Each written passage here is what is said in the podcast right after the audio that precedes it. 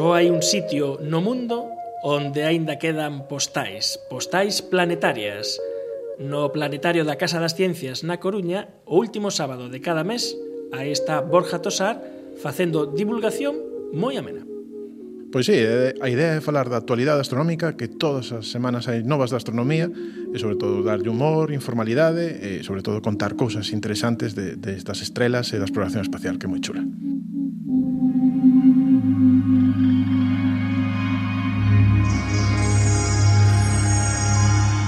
Poñedevos cómodos, porque nesta postal planetaria imos gozar das cancións do Camaleón, de David Bowie.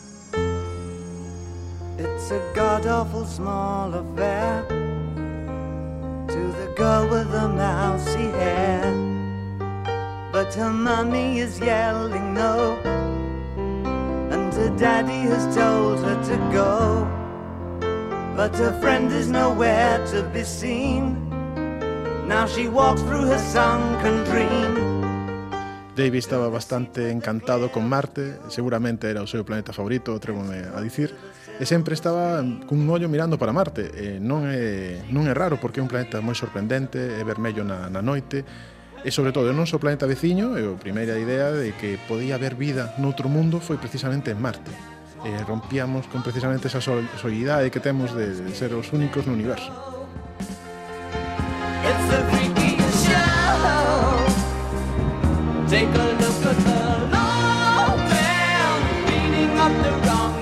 A canción non ten moito de astronómico, non ten moito de planetario, agás o retrouso, que ten aí unha frase grandísima de David Bowie na que se interesa precisamente pola vida en Marte. Is there life on Mars?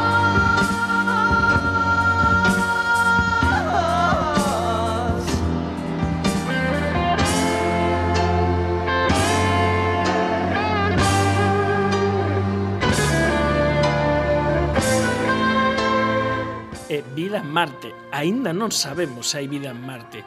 A NASA está encantadísima de mandar cousas para lá e ver, analizar se hai auga, analizar xeolóxicamente a composición do planeta vermello, pero buscar vida en Marte, se non lo contaches nestas postais planetarias, só se fixo unha vez, e sin éxito. Sen éxito porque non quedou ninguna resposta concluinte. As sondas Viking nos anos 70 eh, amartizaron e fixeron varios experimentos para intentar atopar vida en Marte, especialmente microbios, que é o único que buscamos en Marte. E, sen embargo, non sabemos encontrar algo nada porque os, os resultados non foron nada concluentes. A NASA non deu coa resposta, pero os que o mellor, se si o facemos, e digo facemos, somos os europeos, porque de aquí a nada imos viaxar a Marte, Europa, a ESA, e nos si que imos ollar e poñer os aparatos necesarios para ver se eh, temos veciños. Sí, esa misión ExoMars é unha misión en dúas etapas, está a piques de despegar a primeira etapa na que se vai poñer un satélite orbitando a Marte, que é o ExoMars, o orbiter do ExoMars, buscando trazas na atmósfera de biomarcadores de, de que podan indicar que hai algún tipo de microbio ou de vida latente en Marte baixo a superficie. Non só iso, senón que tamén vai aterrizar un lander, un aterrador, que amartizará en Marte, e, aínda que non é rover, non ten non é como un carriño destos como Curiosity. Vai quedar chimpado no, no chan, marcar aí unha boia aí e vai ser como poñer a bandeira. Si, sí, só ten unha estación meteorolóxica, un experimento máis sinxelos, porque o primeiro que van intentar é saber se poden facer unha amartizaxe suave. Para iso a Xencia Espacial Europea non ten moita experiencia tampouco, porque as ondas que manda, aínda que a Rosetta foi un éxito increíble e tal, eh, non ten experiencia eh, aterrizando noutros mundos como, como a NASA. entonces primeiro van a facer esta proba e logo, se todo sae ben, mandarán un rover que sí que como Curiosity, eh, como Opportunity, estos rovers que coñecemos de Marte, que sí que soltarán por la superficie de Marte e podrá recorrer Marte con un montón de experimentos moi enfocados a buscar vida en Marte. E ademais vai furar para baixo e ben fondo. Sí, porque é unha parte de Marte que non coñecemos nada. Coñecemos a superficie de Marte e temos uns datos moi residuais de, do que pode haber baixo ese regolito, baixo ese, ese, ese chan. Entonces vai levar un taladro que vai perforar ata 2 metros de profundidade dentro de Marte e igual sorpréndenos con vida activa en Marte agora, que é unha posibilidade baixa, ou igual con vida pasada en Marte. Con vida fósil. Con vida fósil en Marte.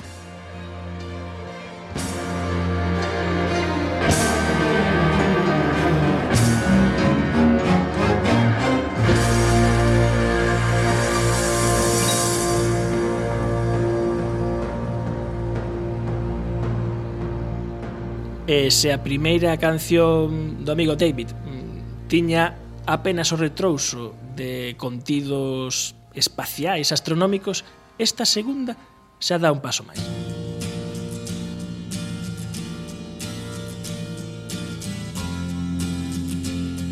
Starman, esta canción é unha canción que fala precisamente dun home das estrelas, un home das estrelas que, que chama David Bowie nun momento que, que está a piques de dormir, e contalle cousas, é, é unha canción preciosa. Precisamente nese disco de David Bowie eh, inventa un personaxe que é Ziggy Stardust eh, na canción anterior Starman falase de que a Terra quedanlle 4 ou 5 anos de vida por pode ver a, vir a autodestrucción ou ben unha catástrofe global é un momento oitenteiro de, de catástrofe de exterminio total do, dos humanos non?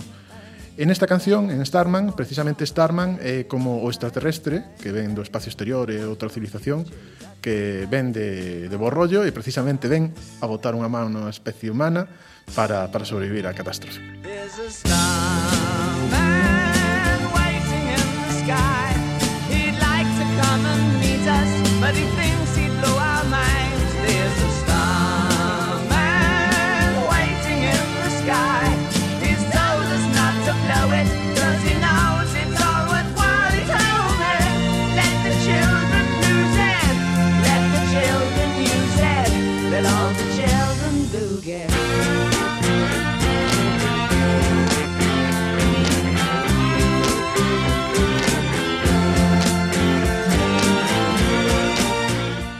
momento solo estamos explorando o noso vecindario, o sea, solo chegamos a Marte e algún mundo por aí, pero para mundos que están moito máis eh, lonxe, o que podemos facer é escoitar, a ver se recibimos en algún momento algún mensaxe de radio unha chamada a un extraterrestre. ¿no? De radio, ve? Son listos os, os extraterrestres, sigue, sigue. É que a radio é unha maravilla. Exactamente. É, é unha tecnoloxía que enseguida se chega rapidamente, eficaz, barata. A mellor comunicación maravilla. en radio, aí estamos da Sen ninguna dúbida. Os extraterrestres mm, van a escoitar a radio e que dimos mandar eh, emisións de efervesciencia ou poñemos antena? Eu prefería emisións de efervesciencia, non? Pero, pero tardaría moito en chegar. A resposta tardaría décadas e igual incluso séculos. Eh, do momento estamos escoitando. A ver se nos está chegando algún whatsapp de, Dende de algún extraterrestre ou algún mensaxe de algún extraterrestre. Escoitando Unha cosa, cosa que pasa que os gobernos non poñen cartos para, para este tipo de cousas. Entonces, Paul Allen Non me extraña que non os poñan. Non os poñen porque é un pouco cuestionable decir, pois vou gastar diñeiro en escoitar a chamada de té. Sen embargo, hai inversores privados como Paul Allen, que é un cofundador de Microsoft, que, que puso un montón de, de millóns de, de dólares A disposición do programa SETI eh, fixo un montón de radiotelescopios que, que servirán para buscar precisamente en radio esa mensaxe. En solo un, un par de décadas, o este proxecto de Paul Allen eh, conseguirá explorar máis estrelas e máis mundos que todo o proxecto SETI nos últimos 40 anos.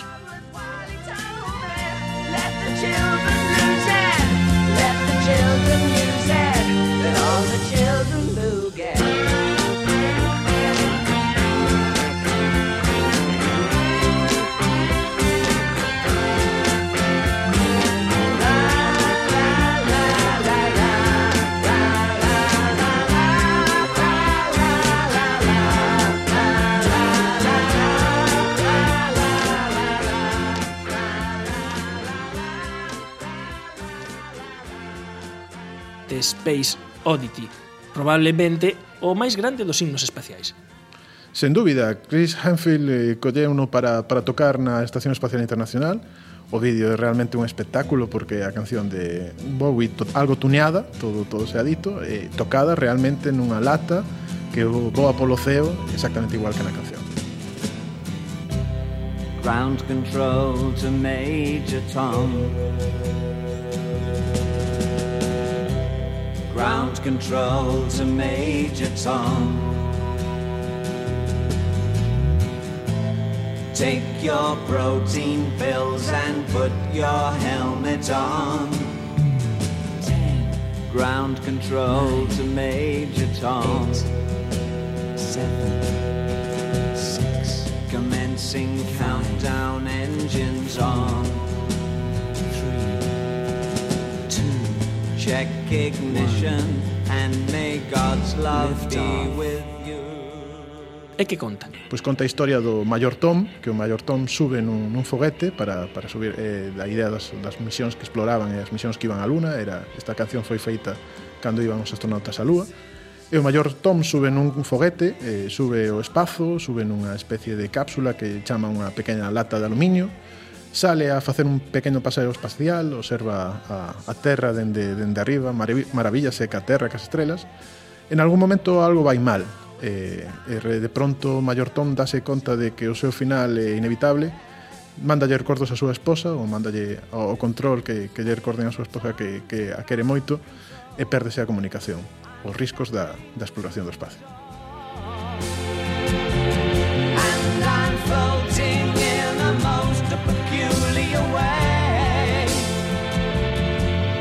The stars look very different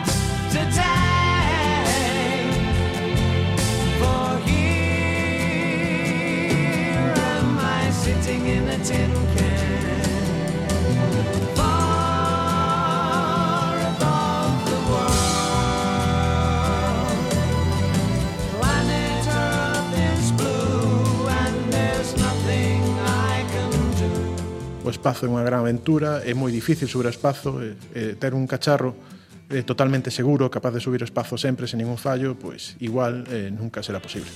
Non se pode ser máis valente, montado nun foguete cheo de, dos combustibles máis eficientes e máis explosivos do, do mundo, a unha aceleración que pasa de, de 0 km por hora a 1000 km por hora en 10 segundos, con unhas vibracións tremendas que poden facer que calquer equipo móvil eh, teña o máis mínimo fallo que, que acabe cun estupido eh, é increíble que, que xente teña menos medo á morte que medo a montar nun, nun foguete que vai á lúa ou nun transbordador espacial. And I think my spaceship knows which way to go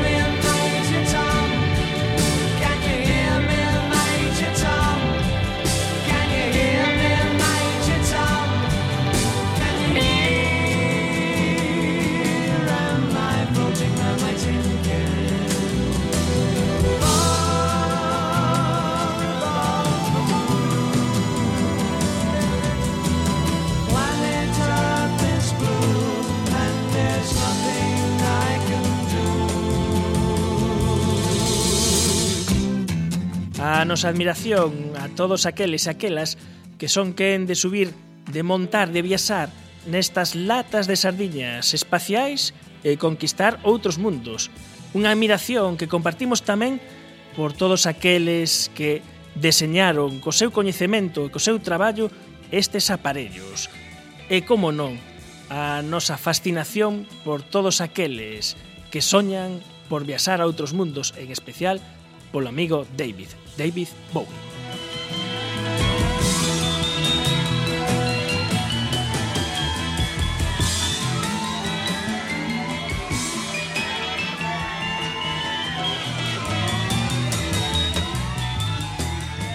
Borja Tosar, como sempre, unha magnífica postal planetaria.